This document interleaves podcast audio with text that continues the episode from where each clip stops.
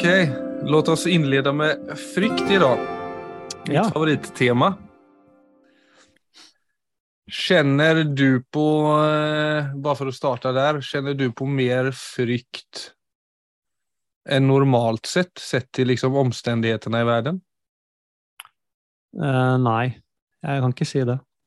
Nei, du er, du er immun. Det vet vi jo sen gammelt. Nei, det tror jeg ikke, men eh, jeg følger jo veldig med på nyhetene og syns det er veldig bekymringsverdig og alt det greiene der, men det ja, nei, det påvirker ikke min sånn at jeg går rundt med frykt i hverdagen, det gjør det ikke. Vi kan jo snakke litt mer om det etter at du har, du har laget Ja. innledning. Ja, altså, for, altså den lille observasjonen jeg har gjort handler på en måte litt om at jag kan vel se og kjenne litt det der med at frykt har begynt å rote seg inn litt sånn i folkesjelen på et sett som ikke man har opplevd tidligere. Alltså Først var det jo to år med pandemi. og Mm. så avløste egentlig det kriget i Ukraina som involverer en hel verden. Og nå er det også en strömkris som treffer oss mer og mer. Og vanligvis er det jo liksom på et generellt plan da, så har ju man en tendens til å glemme kriser som ikke nødvendigvis er direkt traumatiserende. Altså vi å tenke på handhygien, vi slutter å tenke uroe oss for kommende pandemier og går egentlig videre til gamle vaner. Ja. Men nå er det jo krig og på toppen av det også det en ganske stor oro rundt vår privatekonomi og bl.a. prisøkninger på mat og på strøm. Og denne oron är det är lite en sån känsla av att den är pågående på ett sätt som eh, i alla fall inte jag då, har upplevt tidigare. Absolutt. Och jag kan ta ett exempel från Sverige. Alltså där har man kunnat se inslag från skolor som förbereder sig för en zombieapokalyps. Alltså som en slags metafor, det uppfattar jag som om det liksom är faran som lurar där ute. Det är lite komiskt och problematiska, men det är väl bara det att barnen verkar uppfatta det som en faktisk zombie.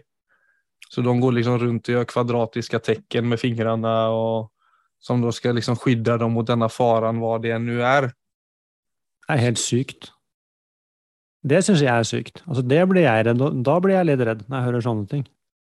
Ja, det är en sån youtuber som kaller kallar sig som zombieexpert som har fått extremt mycket uppmärksamhet i det sista. Och så ska de liksom dra in hans då zombiekunskaper in på ett sånt ordentligt pedagogisk plan. Ja. Som et bilde da. men samtidig, så når man, han får spørsmålet da, om han tror på zombies så får man på en måte inga tydelige svar. Men det, då kan det jo være at hans verksamhet forfaller, på en måte hvis han sier nei, jeg tror ikke på zombies. Men det er, det er, det er, det er et bilde på noe som liksom du vet at det, det noe som spiller på frykt, ikke sant? Ja. Och så har också med, alltså tonen i media, det har jag sett också, också i Norge, att tidigare så snackar man mycket om att det är, eh, att, att det, om det blir kris då, så liksom preppa lagret, ha mycket backup och så vidare. Det har jo varit många inslag också med folk som är väldigt gode på att ha ett lager av allt möjligt om, om egentligen världen eh, kollapsar på ett eller annat plan. Och det är också någonting som trendar mycket nu. Alltså hur, hur ska du egentligen överleva den stora krisen? Men det de snackar mycket om i media är ju inte nu längre om det blir en kris. Det är väldigt mycket mer som när krisen kommer. Den tonen har ändrat sig. Ja. Och hur stor den är, det får Ja, vi se. Oi, oi, oi. Ja. Det er best å sitte stille i båten. Ja, for det er noe med at det her vekker veldig mange spørsmål. Altså, hva er det vi ser og når er det en redsel blir osund? Altså, det er forståelig på mange plan og relevant i det at vi, vi alle ser jo litt en annen verden i dag enn hva vi gjorde innan pandemien kom da, om man bare begynner der. Ja.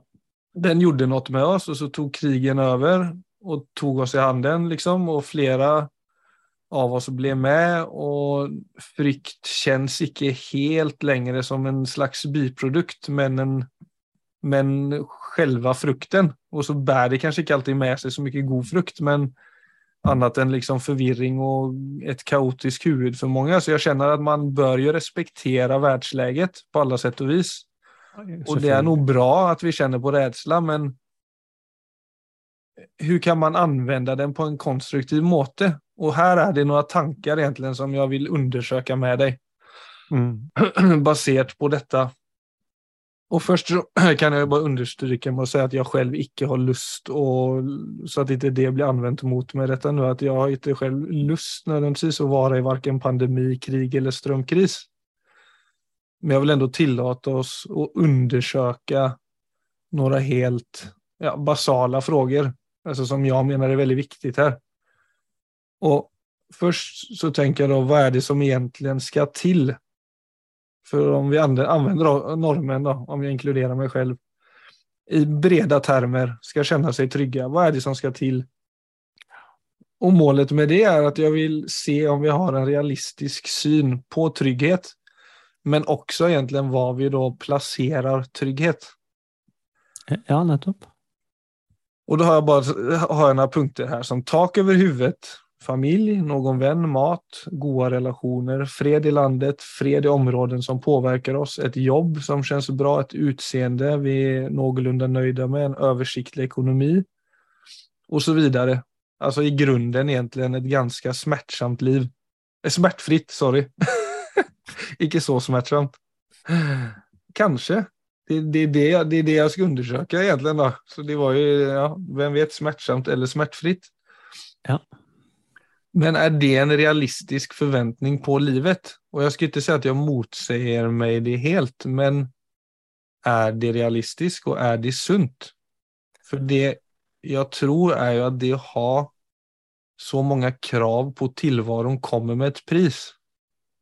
Ja. Er det så at vi legger vår trygghet utanför oss själva? Och det leder, ja, du... det leder bara sånt sista där, det leder meg tilbake til et spørsmål som du og jeg har vært inne på tidligere. Og har vi for vane å plassere vår trygghet helt og hållet utenfor vår egen kontroll. Altså i alle disse knaggar som er Norge, som et av verdens mest privilegerte länder kan servere oss. Altså, det er jo veldig interessant den lista du leser der, så vil de fleste tenke at, at det på en måte må være på plass for at jeg skal kunne ja, kanskje oppleve trygghet og ha et godt liv. Og det er ikke det at jeg er Jeg er ikke uenig i det heller, men det blir eh, Da setter du også egentlig opp en altså Du kan godt eh, ta med deg den listen, se for deg som at livet var en person, og så kommer du med listen din og sier jeg må ha, jeg må ha alt det som er på denne listen, ellers så blir jeg ikke med. Mm -hmm. Men, men, det er jo ganske opplagt at det, man trenger jo bare lese, lese en avis, så ser man jo at veldig, veldig mange mennesker i verden har ikke alt det som står på den lista. Så de må forholde seg til livet eh, med en annen liste. Og, og, så blir jo da spørsmålet igjen er det mulig å ha en form for livskvalitet selv om ikke alt det på den listen er oppfylt. Uh, og da, da, er vi jo igjen tilbake til det vi har uh, snakket om en million ganger. Hva er egentlig et menneske? Så er det mulig å legge tryggheten min uh, i meg selv? Er det mulig å være levende helt uten forventning og krav til livet? Mm. Det, og det er jo egentlig det som alle visdomstradisjonene våre snakker om og har skrevet om i tusenvis av år, sier at det er mulig. Og det er det egentlig denne indre veien handler om. Det handler om å skifte hvor du Altså, hvor legger jeg trykket på livet mitt? Mm. For det er ikke det at selv om jeg finner tryggheten i meg selv, så slutter jeg jo ikke å glede meg over gode relasjoner og uttrykke meg i jobben min og leve i et fredfullt land og ha en solid økonomi. Og det er ikke det at det blir uviktig heller. Men, eh, men, det er noe med den der lille liksom, bisetningen Hvis ikke jeg har alt dette, så, så kan jeg ikke leve et liv. Altså, så, så, er det umulig å leve et godt liv. Jeg tror mm. den uh, Den blir vi jo på en måte nå kanskje i større grad også tvunget til å reflektere over. For at nå, som du selv sier, du har aldri opplevd at at uh, ja, la oss si det vi kaller livet, da, har vært så utrygt som nå. Det har ikke vært det i din levetid, og ikke i min heller. Så det, så det presser fram nye refleksjoner. Ja, det presser fram. Du blir tvungen til å ja, For å forholde deg til det på en konstruktiv måte, så blir du tvungen til å bruke deg selv på en annen måte. Absolutt. Og kanskje også tvunget til å se ikke sant? Vi snakker jo også om altså, Hvilket liv er det vi snakker om, egentlig? Altså, hva, hva er rammene for livet ditt? Altså, er det det som står i avisa, er det det som er livet? Så hvis vi går til et øyeblikk og går til stoikerne igjen, da, mm. så vil jo Det er jo kanskje i i sånne situasjoner som uh, altså Når det blir uttrykt i det ytre, så blir kanskje den stoiske filosofien den kommer klarere frem, kanskje. Jeg vil jo si at den alltid er like relevant, men, uh, men de sier jo f.eks. sånne ting uh, Du eier ingenting. Altså den, den rett, rettmessige eieren er naturen. Du eier, du eier ikke engang din egen kropp. Så på et eller annet tidspunkt så vil naturen ta kroppen tilbake. Eh, alle tingene som du sier du eier, så hvis du ser litt dypere på det, altså huset mitt og eiendommen min og sånne ting Jeg tror alle insektene som er på, i hagen min, jeg tror ikke de er klar over at det er jeg som eier den hagen. Jeg tror det er et veldig fremmed konsept for dem at de krysser grensene fra mm. min hage til naboens hage. Så vi har sånn Selvfølgelig, i det menneskelige samfunnet som vi har skapt, så er det min hage og mitt hus. Men fra naturens synspunkt, at jeg er eier av noe som helst, det er jo totalt absurd. Det er jo innom meg bare et lite øyeblikk. Så Og vi er ikke, kanskje ikke så vant til i dag å reflektere over livet fra det synspunktet. Jeg følger jo med, jeg vet, jeg har ikke, jeg har ikke sett noen artikler ennå som liksom reflekterer dypere rundt dette vi står i. Det er bare frykt, frykt, frykt, frykt, frykt. Mm. Mens, uh, mens, for meg personlig, siden du spurte meg i begynnelsen er du mer redd, så er det Nei, jeg er ikke det, for jeg minner meg selv hele tiden på at det er ikke jeg som styrer dette. Men et tre er fortsatt et tre, og en stjerne er fortsatt en stjerne. Og det er den, e-, det egentlige livet. Så kan jeg være takknemlig overfor bare det å være levende, selv om det er en atomkrig som plutselig truer over oss. vil jeg si ja, selvfølgelig er det mulig. Eh, altså, jeg skal ikke leve evig. Og hvis dette til syvende Man må ta det helt ut. Hvis dette ender med, med at jeg dør, så vil jeg si ok, nå var det det som ble livet mitt. Og så er det Hvor trangt skal jeg lage rammen for mitt eget liv? Men hvis ikke jeg er villig til å se på de altså egentlig vanskelige og dypere eksistensielle dimensjonene av dette, og egentlig bli venn med det, så er det klart du blir redd. Altså kan du ikke bli noe annet? Nei, Nei for jeg tenker, Du går inn på en litt sånn som sikkert også noen kan oppleve som litt stor tankegang, kanskje litt vanskelig å gripe. Om du forstår hva jeg mener? Ja, altså det med at vi er natur, og stjernene er den samme og klarer av å leve fullt ut. Jeg skjønner det veldig godt, men for mange tror jeg det blir kan, kan bli en, en eh, eh, Kanskje da potensielt sett vanskelig å ta i bruk, men samtidig så peker det ändå på noe som er så som ja, det, det, det fins på en måte ingen sånn enkel måte å løse den frykten på når vi bare ja, når vi ikke har så mange alternative måter å behandle den frykten på. Nei, jeg tror altså, jeg, eller, Hur skal man si det? Man, for vi behandler jo samfunnet fra det perspektivet som jeg forklarer nå i så mange andre anseenden også. Altså Om vi snakker om relasjoner også, så har vi ofte en og relasjon til livet og til dette som skjer, eller en relasjon til et menneske, at vi er i det her 'jeg vil ha'-tilstand. Mm. Du skal fylle opp meg, om vi tar et menneske, da. Du skal fylle opp meg, gjøre mitt liv bedre. Som om jeg savner noe, egentlig. Mm. Eh, for å bli hel, da, eller for å ha det bra. Nettopp. Og du er liksom redningen. Og dette er jo noe som vi Vi steller jo för, kanske lite för ofta de här kraven som är en väldigt sånn lømsk stig å gå. For da vil man på en måte alltid ha litt orimlige forventninger på andre og tillvaron. For du vil liksom alltid være utenfor vår kontroll, og vi vil alltid på en måte underminere vår egna, vår egna trygghet. Ja. vi på en måte, for det er någonting som på den andre måten, når vi ser på en relasjon, da, så er det jo det er en stor skillnad å være i en relasjon der du krever noe, der du er liksom demanding mot at du vil dele noe som gjør noe helt annet. At, at du går inn i en relasjon, to personer, for å ut, utfylle hverandre. Da. Absolutt. Og jeg tror den der ideen om at noen eller noe annet er ansvarig for mitt velstand eller min glede. Ja. Det er egentlig vi som er ansvarlige for det. Og, ja, og det er jo veldig Hvis man aldri har tenkt i de baner før, så er det jo som du sier veldig brutalt altså, og høres helt umulig ut. For uh, det er veldig mange som opplever det at nei, men altså alt Alle de gode tingene kommer jo utenifra. Og det, og det Så det er klart, det vi snakker om her, Philip, er jo en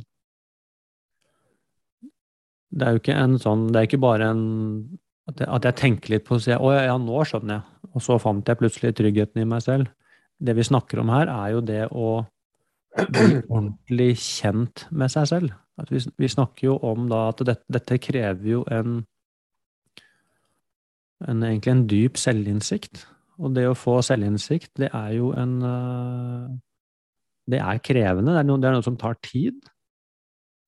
Det, er en form for, det, blir, en skifte av perspektiv. hvor jeg går inn, Inngangen min til, eh, til hverdagslivet mitt blir helt annerledes. Så og det er derfor jeg tror den type tanker som jeg kommer, blir fremmed for oss. For det blir sånn Hva er det du snakker om, liksom? Altså. jo, men det blir litt sånn Det, det blir stort og litt uhåndterlig i tiden når vi podder sikkert. Eh, og så for visse så gir det 100% mening, men jeg tror når vi snakker om det, så er det viktig at man ikke For det tror jeg ikke er til å unngå at det blir også en sånn det kan oppfattes som en sånn selvsentrering, at man er en sånn egen ø ute på in the middle of nowhere og ikke trenger kontakt, nesten. Ja, det kan kanskje høres sånn ut, og det er fint å si at det er jo absolutt ikke det det handler om. Men det handler, eh, det handler om å reflektere over hva er det jeg egentlig står midt i, som jeg kaller livet? Og det å få øye på det at uh, det er ikke det som står i avisa som definerer livet. Det er Da er du egentlig midt i altså den menneskelige verden. Og så er jo da spørsmålet, og det vil jeg jo si er en Det er ikke sikkert alle kan relatere til det heller, men dette med å se har jeg en forbindelse til eksistensen? Eller, eller er det helt tomt for meg? Ja, for Da snakker hvis... du om en relasjon til, sånn som at du har en relasjon til ditt barn eller til en passion du er glad i, så er det sånn Har du en grunnleggende relasjon til livet i seg selv? Altså så som Ja. Ja, å være i god flyt, egentlig, fra sekund til sekund med, med eh, miljøen og tilværelsen rundt deg, da. Ja, og er du, er du klar over at, at du er Eh, og det er klart, i det, for det, det øyeblikket jeg, at det går opp for meg at, at jeg er, så kan man plutselig begynne å få en, en dreining sant, på uh, Så alt det jeg har blitt fortalt at jeg er, det er på overflaten. Helt grunnleggende så, så er jeg. Og det er jo altså Det å virkelig erkjenne det, det blir noe helt annet enn alle de rollene som jeg trer inn i, som jeg anser som meg. Mm. Så det er noe som går dypere. Og det er klart, i det øyeblikket jeg faller inn i det, så vil jeg også kunne begynne å Det er akkurat som jeg dekker opp min eget verd. Altså Mitt eget verd er det kun jeg som kan bekrefte for meg selv. Jeg kan ikke få det fra noen andre. Det bare virker sånn. Jeg kan få applaus, og så føler jeg meg bra et lite øyeblikk. Men i neste øyeblikk så sier noen noe kritisk til meg, så mister jeg verdet mitt. Mm. Mens i øyeblikket jeg dekker opp mitt eget verd, så skjer det rare at jeg får For det første så får jeg ordentlig bakkekontakt. Og for det andre så har jeg da noe å by på. Så det er ikke det at jeg da sier nå eksisterer jeg veldig fint her alene for meg selv. Det er egentlig da relasjonene virkelig åpner seg. Når jeg ikke trenger eh, din bekreftelse for å kjenne at jeg lever. Mm. Da kan jeg være med deg på en helt annen måte. Det blir en mye friere relasjon. Og hvor det også er mulig for meg å få et blikk på eh, hva du har behov for, ikke bare hva jeg har behov for. Det er en overskuddskapasitet som kommer fra å begynne å forholde seg til eksistensen. Ikke at man blir kald og kjølig overfor andre og verden. Det er det helt motsatte som skjer.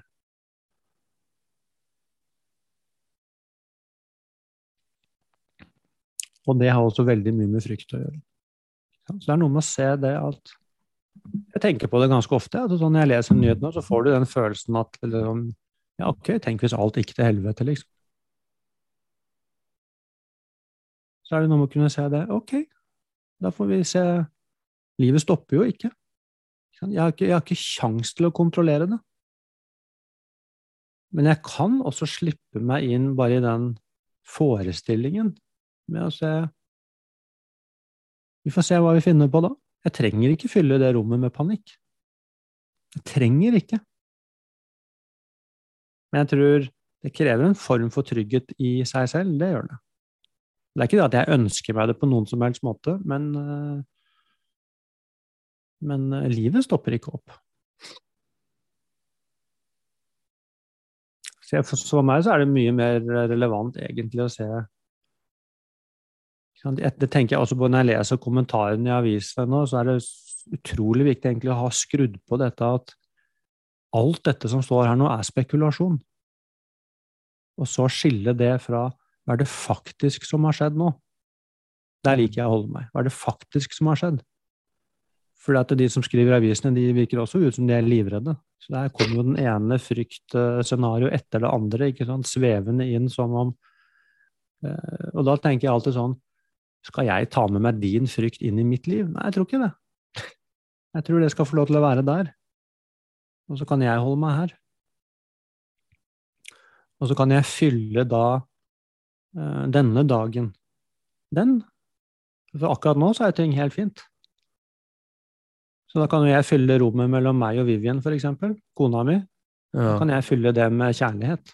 Jeg trenger ikke fylle det med den frykten som jeg tok med meg fra avisa. Jeg fyller det med kjærlighet. Mm. Det fins en klok stemme å hente. Alltid. Det er, men med en gang vi tar av inn i alle disse tingene som kan komme til å skje, så er det plutselig sånn Herregud, hva skal jeg gjøre hvis ikke jeg kan betale lån og plutselig, plutselig sitter på gata? Mm. Og så fyller jeg, og så tar jeg med meg det inn i relasjonen til kona mi og barna mine. Det er ikke det som det er ikke det familien min har bruk for. Nei. Det er, kanskje vi må, må venne oss til å leve på en helt annen måte, med mye mindre ting og sånne ting. What's the problem? Kanskje det er bra for oss, til og med. Mm. Hvem vet? Ja, det er mange Jeg tenker også det. er også folk som, Om det er noen som lytter som har opplevd sterk angst, eller om folk Det er sikkert mange her som har opplevd store som lyssnar som har opplevd stora kriser, kanskje personlige kriser. Jeg tror ju det är ju någonting otroligt frigörande i det att känna på. Låt oss säga då att världen, eller din världsbild då, som det för många är i detta anseendet med pandemi och krig och, och ström och mat och allt möjligt som gungar, så är ju det, det är ju en slags världsbild som man kan uppleva rasa samman. Mm og motivasjonen i å finne en styrke og en klok stemme i det. Hva kan være mer givende, egentlig? Altså på tal om å ta seg selv og sine ressurser i bruk. For jeg tenker liksom folk som har opplevd personlige kriser. altså Det er veldig mye man ikke ønsker, men så er det jo samtidig det Se hva jeg var i stand til. Mm, nettopp. Tenk om du aldri får den muligheten, liksom. Mm. Og det, vill, det har jeg liksom alltid falt tilbake til på mine egne ting, At fy fan, vissa ting jeg har opplevd følelsesmessig känslomässigt som bara jag då ikke ønsker noen annen, eller som kan kjenne at jeg ikke ønsket meg selv heller. Mm. så var det någonting som samtidigt kunde hantera det. Ja, akkurat det. Och hur formade det mig liksom? Og På når du først gjorde att jag blev sjukt mycket mer empatisk, bara en sån sak. Att jag såg mycket bredare än mitt egna, mitt egna liksom ganska trånga perspektiv och behov till tider.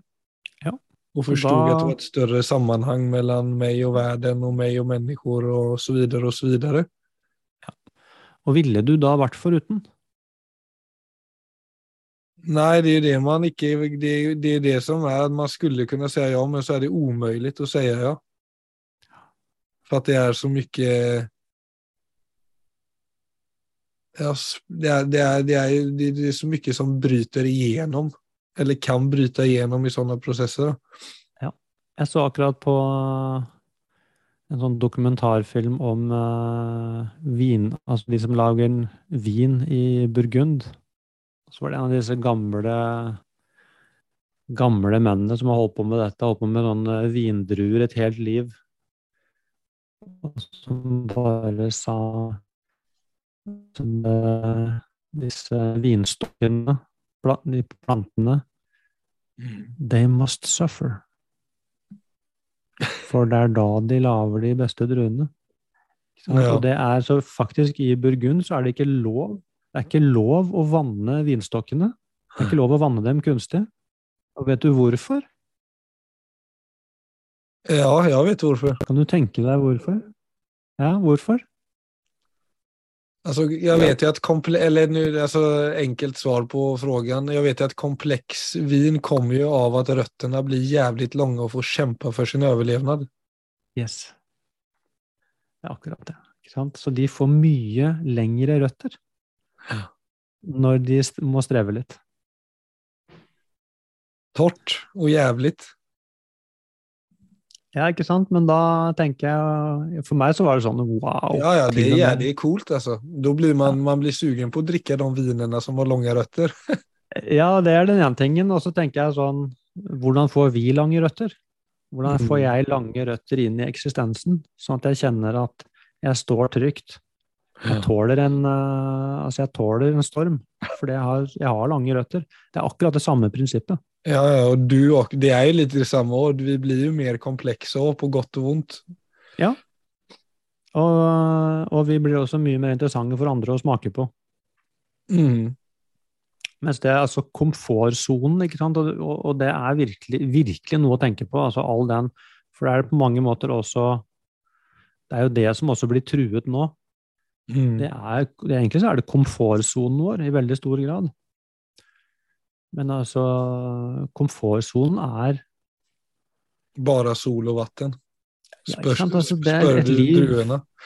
et, et, liv, et liv uten motstand er ikke et godt liv. Vi trenger vi, vi har så mye ressurser, og de, og de tar vi egentlig kun i bruk når vi kommer ut av komfortsonen. Og i det så skjer det så mye spennende med oss. Så jeg tenker igjen det er noe med den Hva er den grunnleggende rammen som du setter ditt eget liv i? Mm. Det tror jeg virkelig er noe å tenke på. Og, sånn at man kan egentlig se det at ja, et liv uten motstand, et liv uten utfordringer, er det egentlig et liv å ønske seg? For alt er bra hele tiden. Hva skjer med meg da? Er det det som gjør at jeg virkelig vokser som menneske og finner potensialet mitt?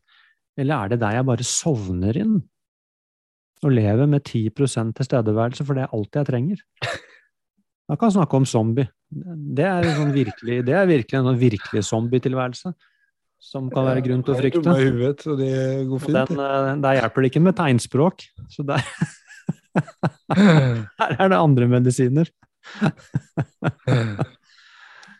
Ja, lev som en zombie eller lev som en Ja, warrior. Du må være en kriger. Du må, du må være en kriger. En kriger, står der med et, han, en kriger står der med et åpent hjerte og nekter å lukke igjen hjertet sitt selv om det blåser litt. Ja. Jeg er klar for å ta kampen, er du? Ja, det er veldig Ja, det er fra øyeblikk til øyeblikk, det. Det er ikke det at den kommer en dag. Altså, det er jo, sånn ja. er det å være menneske. har kan snu i neste sekund. Ja. de som lyssnar også, har det gått åt helvete fram til nå, så har du neste sekund på deg. Det er uh, livet Sekunden etter det igjen. Du vet, livet endrer seg hele tiden, det vet vi. Men det å, å få øye på at det også innebærer at hvert øyeblikk da er potensielt sett også en ny begynnelse. For det er nytt. Mm. Så livet kommer med den invitasjonen hele tida. Livet kommer med den invitasjonen hele tiden, samtidig som vårt sinne elsker å henge opp seg i ting. Ja. Der har vi den herlige kombinasjonen. Ja, og det gjør menneskelivet rimelig interessant. Det er der, de, ja, det, er der det eh, blir litt komplekst, men det er der, det, er det, det, er det Jeg tror den eh, bilden av at man hele tiden kling, som man sier på engelskan. Sinnet har ikke lyst til å ikke være opptatt av noe. Og på den Nei. måten så kan det generere en følelse av at man aldri får fri. Absolutt. Og da blir den der, det der neste friske øyeblikket ikke nødvendigvis så friskt, hvis man ikke begynner den prosessen, da, og faktisk begynner anerkjenne det. Ja. Ikke øh, prøv å bare ha positive tanker og ta bort alle negative tanker. Ikke liksom gå den veien. Nei. Men legg merke til hvordan sinnet egentlig bare holder på. da. Men det tenkte jeg faktisk vi kunne ta neste gang, for det er jo noe med at sinnet er veldig uinteressert av dette som vi snakker litt om. Og som man jo bl.a. undersøker i mindfulness og meditasjon, det å ikke gjøre. Som vi egentlig Ja. har vært litt inne på i dag. Ja. Men som kanskje er det mest fornuftige vi kan gjøre for å komme i kontakt med den her litt klokere stemma som vi snakker litt om. Absolutt. Det er, ja, det er fint å snakke om, for det er så lett å misforstå òg når man hører det. Det er så lett å tro at det handler om å bli passiv. Men det kan vi spare til neste gang. Så bra. Litt flum og litt konkret. Det er vel det denne podden handler om. Ikke så mye flum egentlig, men vi må jo, vi må jo på en måte si oss selv òg. Fint, Philip. OK, takk så mye. I like måte.